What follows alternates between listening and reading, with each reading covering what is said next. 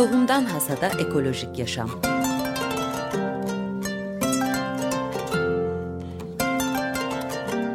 Hazırlayan ve sunan Buğday Ekibi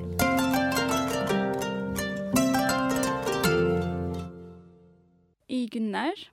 Ee, Buğday Ekolojik Yaşamı Destekleme Derneği'nin hazırlayıp sunduğu Tohumdan Hasada Ekolojik Yaşam programına hoş geldiniz. Ben Zeynep Çelen, Buğday Derneği'nden. Bugün e, bir konuğum var. Yine çok teşekkür ediyorum geldiğiniz için Rica şimdiden. E, İstanbul Üniversitesi Onkoloji Enstitüsü'nden e, Doktor Yavuz Dizdar. Hoş geldiniz Hoş Yavuz bulduk Bey. E, sizi daha önce de konuk etmiştik. Çok ilgi gördü o programımız. Yani Teşekkür umarım her ay dinleyenler. bir kez Yaparız. gelebilirsiniz çünkü çok önemli bilgilerle dolusunuz. Şimdi bu e, gazetelerde hepimiz okuduk. Bir süt içen e, sütlerle ilgili böyle resimlerle e, sütlerde bir sürü toksin olduğu ve antibiyotik kalıntıları olduğu artık bakanlıkça onaylandığı gibi haberler çıktı. Biraz bahseder misiniz şu sütlerden Sayın yine? Tarım Bakanımız bu konuda bir açıklama yaptı ve sütlerde antibiyotik kalıntılarının ve aflatoksin dediğimiz bir mantar toksininin zehrinin bulunduğuna dair bilgilerin doğru olduğunu söyledi. Fakat ardından da abartıldığı kadar değil çok az bir kısmında rastlıyoruz dedi. Bu doğal olarak yaptığı bir düzeltmedir.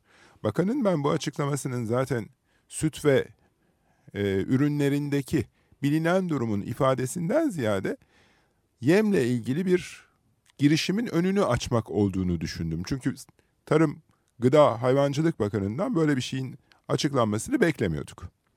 Ancak durum doğrudur. Zaten bunlar vardır.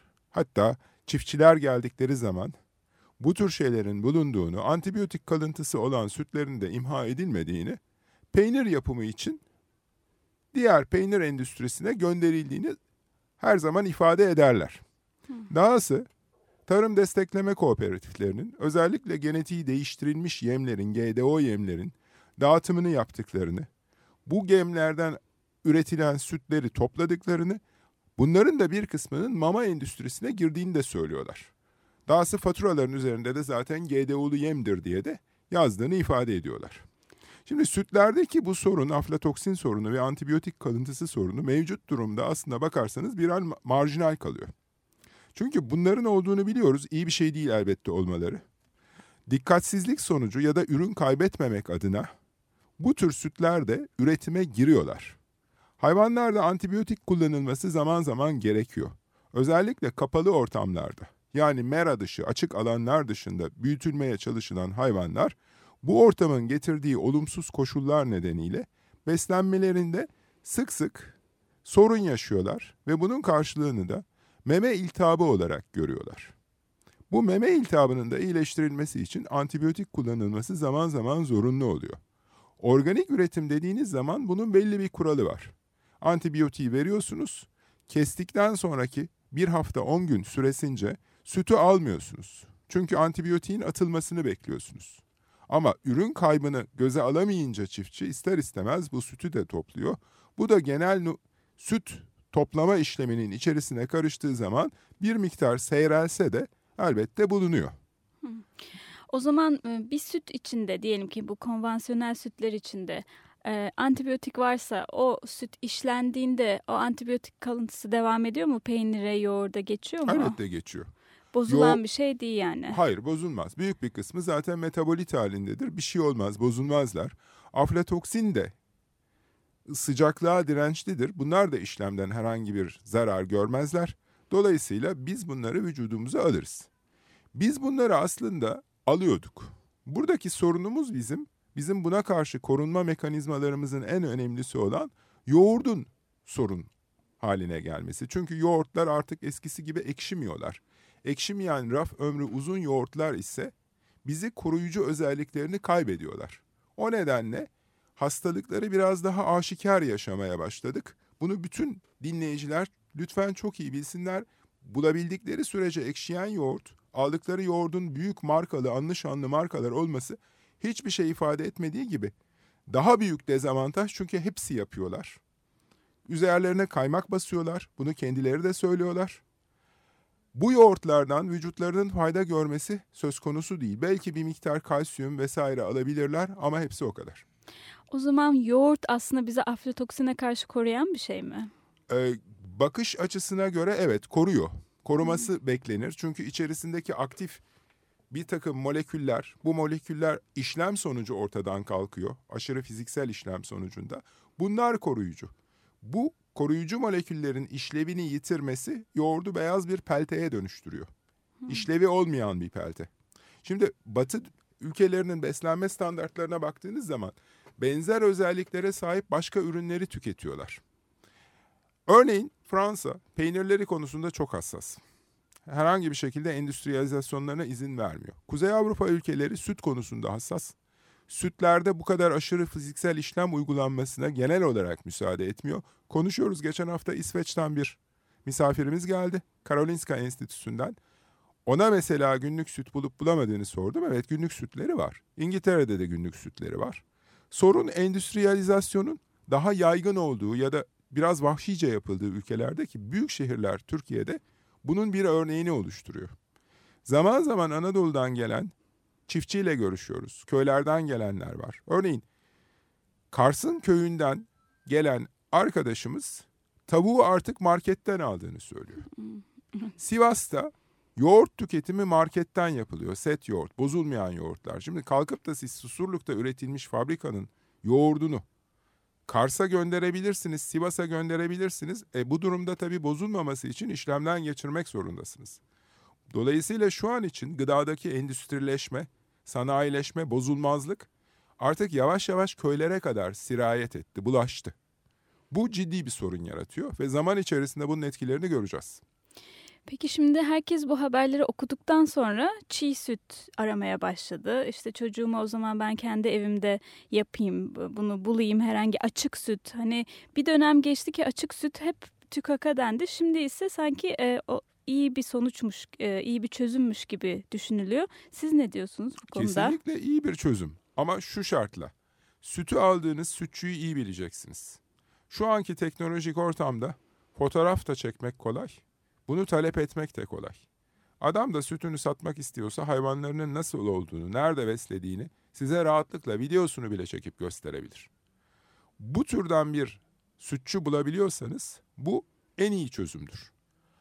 Diğer taraftan baktığınızda endüstri yıllar içerisinde pazar payını artırmak için çünkü endüstrinin en büyük rakibi ne yaparsanız yapın bu kadar şeye rağmen küçük üreticilerdir. Küçük ve orta boylu üreticileri hedef alır. Bunu iki şekilde yapıyor. Bir, mikrop var fobisini yaygınlaştırıyor. Evet. Hijyen aman mikrop var, mikrop var. İkincisi de merdiven altı diye bir laf uydurmuş. Elbette kötü üretim yapan yerler var. Ama merdiven altı diye bunların adlandırmaya çalıştıkları küçük orta boy ruhsatlı işletmeler. Gönderme yaptıkları o. Merdiven altı dediğiniz sizin markasız ürün değil yine bir markası var. Fakat bunlar aynı homojenizasyon şeyine rekabet amacıyla büyük bir kısmı bulaştı. Dolayısıyla sizin piyasadan bulabileceğiniz günlük pastörize süt homojenize edilmemiş yani kaymak tutabilen süt kalmadı. Ekin özelleştirilmeden önceki sütlerini hatırlarsınız. Sizin gerçi yaşınız küçük hatırlayamayabilirsiniz ama şişe süttü üstünde kaymağı olurdu bir parmak kaymak olurdu ve siz sütü dökebilmek için o kaymağı kesmek zorunda kalırdınız. Ve tadı süt gibiydi. Özelleştirmenin ardından ürünün homojenizasyon işlemi başladı. Çünkü raf ömrünü uzatabilmeniz için homojenizasyon gerekiyor. Yoksa ağzınıza pürtük gelmesin, kaymak gelmesin diye değil. Esas amaç o değil. Onu süzerek de zaten halledebiliyorsunuz. Amaç raf ömrünü uzatmak. Derken baktılar tedarikte zorlanılıyor. Son aylar içerisinde bir başka uygulama yapıldı. Uzatılmış süresi günlük sütler. Nedir? 5 güne kadar. Şimdi bir şeyin bozulma ömrü belliyken siz bunu 5 güne nasıl uzatabiliyorsunuz? Yaptığınız fiziksel işlemi biraz daha ağırlaştırıyorsunuz. Homojenizasyon basıncını artırırsanız evet ömrü uzamaya başlıyor. Dolayısıyla endüstri ne yaptığını gayet iyi biliyor. Ama sıkıntısı şudur. İstanbul gibi büyük şehirlerin çevresinde üretim yapabilecekleri temiz arazi kalmadı. Çorlu bölgesi biliyorsunuz fabrikalaştırıldı. Ergene Havzası can çekişiyor. Sakarya'ya bakıyorsunuz orası da sanayi bölgesi oldu. Ekim yapan kişi kalmadı. Patates vardı yok oldu. Süt vardı yok oldu. Daha ötelerden getirmek zorunda kalıyorsunuz ürünü. Bu Amerika Birleşik Devletleri'nin de ana sorunu olmuştur. Büyük şehirleri beslemek sorunu. O yüzden her şeyi işlemden geçirip bir şekilde ömrünü uzatmaya çalışıyorlar. Ama bunun bedelinin ne olduğunu kavrayabildiklerini zannetmiyorum. Bunun çok ciddi bir bedeli var ve bu bedel hastalık olarak çıkıyor. Evet, yükselen kanser oranlarıyla direkt Sadece bağlantılı. kanser değil. Kanser işin bir yüzü. Bunun kalp hastalığı kısmı var. Bunun diyabet kısmı var. Bunun hatta çocukların bir takım davranışlarla ilişkili bozukluklarına hiperaktivite sendromu gibi olmayan tablolardı bunlar. Bunların hepsi yeni ama var. Yani bunlar sadece doktorların biraz abartmalarıyla olmuyor. Gerçek bir artış da var. Doktorların kötüye kullanımı da var tabloyu ilaç vermek için. Hmm. Ama bu artış gerçektir. O zaman bu süt e, ve süt ürünleriyle ilgili öneriniz hani çiğ süt kullanılması. Çiğ süt bulacaklar, bir taşım kaynatacaklar. Mikrop var histerisinden çıkacaklar. Bizim kuşağımız sokaktan alınan sütle büyüdü. O zaman mikrop vardı da yoktu da şimdi mi var bunlar? Hayır böyle bir durum yok. Bundan bir buçuk sene önce birinci gıda güvenliği kongresi yapıldı İstanbul'da. Biraz garip bir gıda güvenliği kongresiydi. Sayın Tarım Bakanımız da katıldı.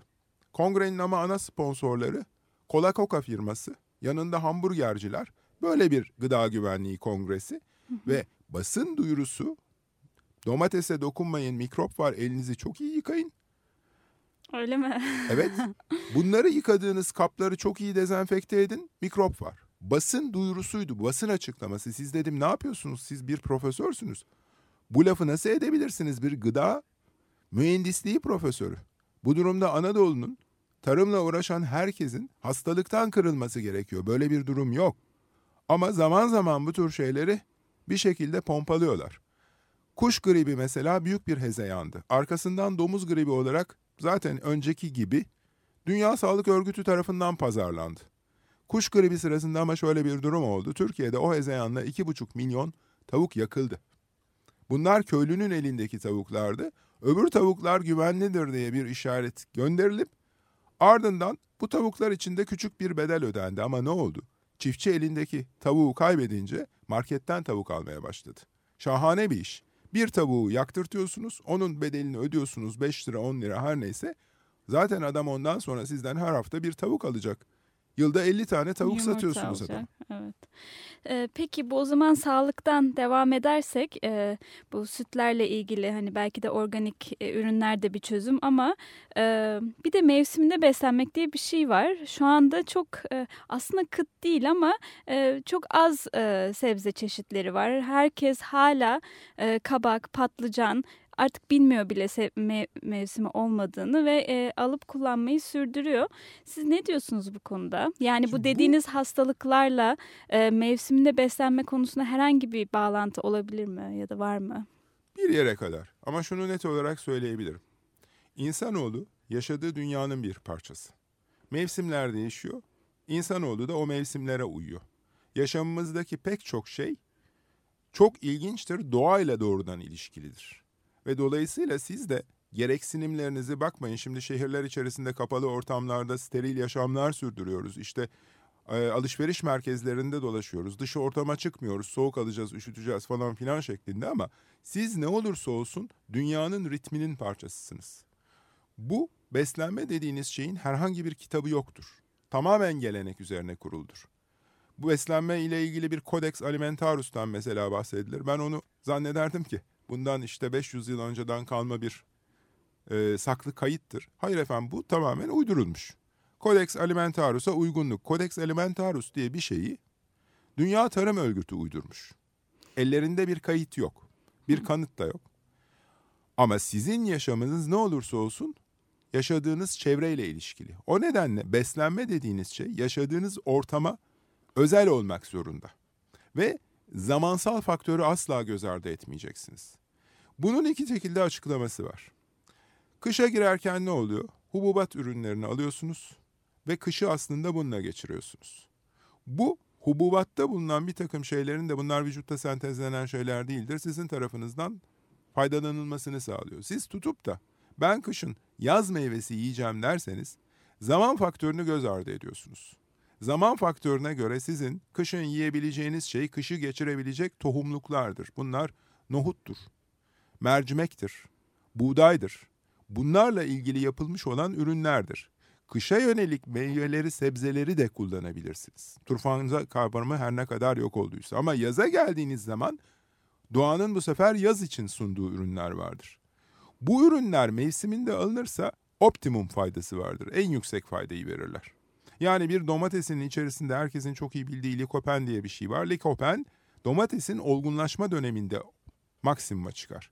Çünkü bitki için gereklidir aynı zamanda.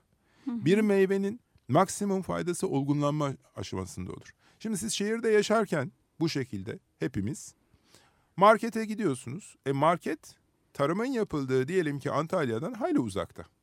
Bu meyve olgun olarak toplanırsa markete bunun girebilmesi mümkün değil. Hmm. Yolda ezilir, büzülür bir şekilde kaybedilir. O zaman ne yapıyor?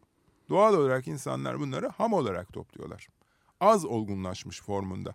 Domateslerin mesela yeşil toplandığı hep anlatılır. Yeşil toplanır, yol içerisinde bir içlerine çürük elma konup oradan salınan etilenle kızartılır. Bunu herkes bilir zaten. Hmm. Ve İstanbul'a bizim önümüze kırmızı geldiğinde biz bunu zannederiz ki olgun domates içinde likopen var. Zaman zaman insanlar tatil yörelerine Ağustos ayında gittiklerinde gerçek domatesi görüyorlar. Parkının da ne olduğunu çok iyi anlıyorlar. Kesince kokusu çıkar dediğimiz salatalıklar. Bu şekilde domatesler, tadı olan biberler bunların hepsi mevsiminde olur. Ve sizin yakın araziden ancak getirebileceğiniz ürünlerdir. Yolda bozulmamaları için. E şimdi siz bu ham ürünleri alıyorsunuz, marketlere sunuyorsunuz. Artı bunlarda bir de koruyucu bir unsur var. Benim arkadaşımın annesi bir elmayı bir yıl sakladı. Hmm. Ve hiçbir şekilde büzüşmedi elma sonunda attılar. bir elma bir yıl hiçbir şey olmadan durabiliyorsa içerisinde başka bir şey var. Limon için mesela bilinen çok iyi örnektir. Defalarca verdim. Limon bahçelerinde limon alıcıyı, simsarı beklerken dalda olmak zorunda. Aksi takdirde depolama ile vesaire ile ilgili bir, bir tür sorun var. Bu sorun üstesinden gelmek için dediler, limon üreticisi ağaca kökünden kanser tedavisinde kullanılan bir hormonu veriyor. Hormon sulandırıldığı takdirde olgunlaşmayı durduran hormon doğanın mantığı birdir. İnsan meme kanserinin olgunlaşmasını, gelişmesini durduran şey bitkiye verirseniz onun da meyvesinin olgunlaşmasını durdurur. Ve ondan sonra bu ağaç yaprağını dökse bile dediler o meyve dökülmez. Öyle kalır. Bunu çok fazla insan ifade etti. E şimdi siz bu limonu alıyorsunuz. Ben insanlara diyordum ki soğuk algınlığı geçirirseniz nane limon.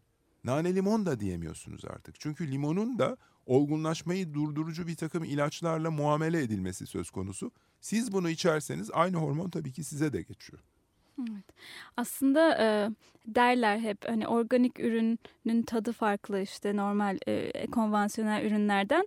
Hani her e, sebze için söyleyemem bunu ama limon için çok bariz bir tat farkı var. Organik limonla e, konvansiyonel limonun bilmiyorum o ilaç mı yani ama bir Kesinlikle kokusu var. Limonun bir içerisinde... kokusu var korkunç yani ama normalde fark etmiyorum. Ben eskiden hep normal limon, organik limon yoktu. Unuttuk. Zaten mesele zaten. bu. Biz evet, zaman normal. içerisinde ya bilmiyoruz ya unuttuk. Eski salatalıkların kokusu yok diyoruz ama bunun niye böyle olduğunu merak etmiyoruz. Tavuklar 20-30 dakikada pişiyor. Ha, evet. Eskiden 2 saatte pişerdi nasıl olduğunu merak etmiyoruz. Süt ekşimiyor. Bir ay kalabiliyor açsanız bile o UHT kutu sütler. Nedenini merak etmiyoruz. Yoğurtlar ekşimiyor. Nedenini merak etmiyoruz. E bu durumda elbette ki bunun bizden bir çıktısı olacak. Bir limonun içerisinde bir yığın molekül var. Bunlar ilaç olarak bir kısmı hala piyasada olmadıkları, sürülmedikleri halde patentlenmiştir. Patenti var, buluyorum. Kanser tedavisinde kullanılmak üzere patentlenmiş mesela bir bitki hormonu var. Bir Çin patenti var, bir Amerikan patenti var ama ilaç olarak zaten piyasada yok henüz. İleriye yönelik adam kullanım patenti almış. Yarın bir gün siz bunu ortaya çıkartırsanız hayır diyecekler patenti bizde zaten doğal bir ürünün, doğal bir molekülünü adam kullanım patentini şimdiden almış durumda. Limonun içinde de bu tür ürünler var. Yasemin'in içinde bu tür ürünler var. Bunların bir kısmını bu işlerle uğraşan arkadaşlarımız zaman zaman söylüyor. Yok limonda fayda vardır ama hep söyledikleri yuvarlıyor bir noktadan sonra faydalı, şifalı şeklinde. biyolojik mekanizma kesinlikle doğrudur, vardır. Biliyorlar ya da bilmiyorlar. Bu biyolojik mekanizma da bunun olgunlaşma dönemiyle ilişkilidir. Dolayısıyla tüketici eğer alacaksa optimum faydayı almayı bekliyorsa bunları almak zorunda. O dönemde işte görüyorsunuz organik kavramı ön plana çıkıyor. Şimdi herkesin kafasında garip bir şey var. Çünkü bu coğrafyanın insanında bir de kuşkuculuk vardı. Çok. Ya bunlar da acaba organik mi? Nereden bileceğiz? Ben şunu çok iyi bileyim. Söyleyeyim size. Organik pazarlarda çalışan arkadaşlarımız var. Zaman zaman kendileri belediyeden rica ediyorlar. Lütfen alın numuneleri denetleyin diye ve belediyenin denetimiyle bunların gerçekten organik olduğu açıkça ortaya konuyor. Dolayısıyla organik almak konusunda insanlar pahalı lafını lütfen bahane olarak uydurmasınlar. Herkesin cebinde 1500 liralık telefonlar var. Günde bilmem ne kadar telefonla konuşup harcamayı yapıyor. Domatesin kilosu bir buçuk yerine üç buçuk dört lira olunca aa pahalı diyor. Böyle bir kavram yok. Steve Jobs gibi adam 360 milyar dolar serveti vardı pankreas kanserinden öldü ve hiçbir şey yapılamadı. Ne oldu parası? Hiçbir şey olmaz. O yüzden insanlar öncelikle parayı sağlıklarını sürdürmek için kullanacaklar. Çocuklarının sağlığını sürdürmek için kullanacaklar. Sizin varlığınız var, arabanız var, eviniz var, yazlığınız var. Sağlığınız kaybolursa bunların hiçbirinin anlamı olmuyor. Herkes bu konuda lütfen aklını başına toplasın. Ay, çok güzel dediniz. Gerçekten başka da hiçbir şey demeye gerek yok. Ee, mevsiminde ve e, organikten başka da çözümümüz yok. Hayır yok efendim. Bunun Başka? yaygınlaştırılması gerekiyor ama. Evet. Çünkü erişim açısından da sorun var. Şimdi belediyeler sağ olsunlar bir takım organik pazarları oluşturdular. Üretici arkadaşlarımız çok büyük zahmetler çekerek bunları sürdürüyorlar. Gerçekten öyle. Ama yine de nüfusun geneline baktığınız zaman bu çok küçük bir parçayı oluşturuyor. Evet. Belediyeler, İstanbul Büyükşehir Belediyesi'nden ben defalarca istirham ettim, süt işine girin dedim. Siz bari halledin. Bakanlığın bu konuda herhangi bir duyarlılığı yok. Üreticiler, endüstriler zaten bu konuda hiçbir şey söylemiyorlar. Bari siz girin kaymaklı günlük pastörize sütü piyasaya sunun. Çok önemli bir işi yapmış olursunuz. Organik konusunda marketler de lütfen güvence versinler. Üretimde şunu şunu bilmem neyi çok riayet et. Bu, bu önemli değil. Tarım ilacı nasıl kullanılıyor? Bunlar zamanında mı toplanıyor? Toplandıktan sonra işlemden geçiriliyor mu? Marketler bunu da söyleyecekler. Bir yığın markette ambalajlı ürün var ve ben artık tüketiciyi ambalajlı ürün almayın şeklinde uyarıyorum. Çünkü genellemeye gitmek zorundayım. Ambalajların üstünde ne yazdığı zaten okunmuyor. Marketler lütfetsinler birer tane büyüteci duvarlarına monte etsinler. İsteyen gidip okuyabilsin hiç olmazsa. Aksi takdirde bu işin sorumluluğu çok büyük. Çünkü söyleye söyleye hala karşımızdaki grup, bakanlık, bununla ilgili odalar duyarsızlıklarını sürdürüyorlar. Bir noktadan sonra bilimsel veri sunacağız. Ondan sonra artık diyebilecekleri bir şey kalmayacak. O nedenle önlemlerini şimdiden almak zorundalar. Bu arada Tarım Bakanlığı 2014'e kadar e, bütün e, paketlenmiş ürünlerin o içerik kısmını 12 fonta çıkarmak üzere harekete geçti diye bir haber okudum. Bilmiyorum ne kadar doğru ama ama yine de içeriğini değiştirme konusunda herhangi bir adımları yok sanırım. Şimdi Amerika'nın, Avrupa'nın bu tür mantığın şöyle bir şeysi vardır. Ne söylüyorsan onu yap, ne yapıyorsan onu söyle. Kurtarma noktaları budur. Evet. Yani ben yazmıştım kardeşim derse eğer siz bir şey yapamazsınız. Aynen Kanunen öyle. de bir şeyiniz olmaz. Evet. Evet. O zaman bilinçli tüketim, mevsiminde tüketim ve organik tüketim diyoruz. Ee, sevgili Doktor Yavuz Dizdar çok teşekkürler ben çok teşekkür geldiğiniz için. için. Ee, ben küçücük e, anonslarımı da yapayım. Bir kere bugün Bakırköy'de, yarın Şişli Feriköy ve Beylikdüzü'nde, pazar günde Kartal'da ekolojik halk pazarları organik ürünleriyle e, karşınızda olacak. Yani her şey var artık. Hani hiçbir bahane dediniz ya kalmadı diye. E, Ay şu şunu bulamıyorum diyecek bir şey de yok. Her şey var. Hayır efendim olanı alacaklar. Zaten olanı yani Evet. ve de e, hani tavuğundan tut e, yoğurdundan tut ondan sonra e, şeyine kadar işte ne derler maruluna soğanına falan her şeye E, aynı zamanda e, Buğday Derneği 10. yılını kutluyor olacak ee, ama 21 Şubat Salı akşamı olacak bu kutlama. Sizi de bekleriz. Biz de kutluyoruz ee, şimdiden e, orada olacağız. O yüzden şimdiden e, ajandalarınıza kaydedin. İstiyoruz bu e, tarihi 21 Şubat Salı akşamı Babilon'da Buğday Derneği 10. yılı. E, bununla ilgili daha fazla detayda buğday.org e, sitesinden ulaşabilirsiniz. Peki o zaman umarız sizi bir daha görürüz Doktor seve seve, Yavuz Dizdar. Ee, o zaman haftaya görüşmek üzere diyelim. İyi günler. Tohumdan Hasada Ekolojik Yaşam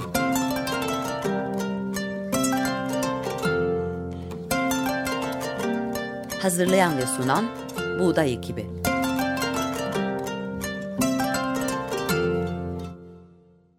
Açık Radyo program destekçisi olun bir veya daha fazla programa destek olmak için 212 alan koduyla 343 41 41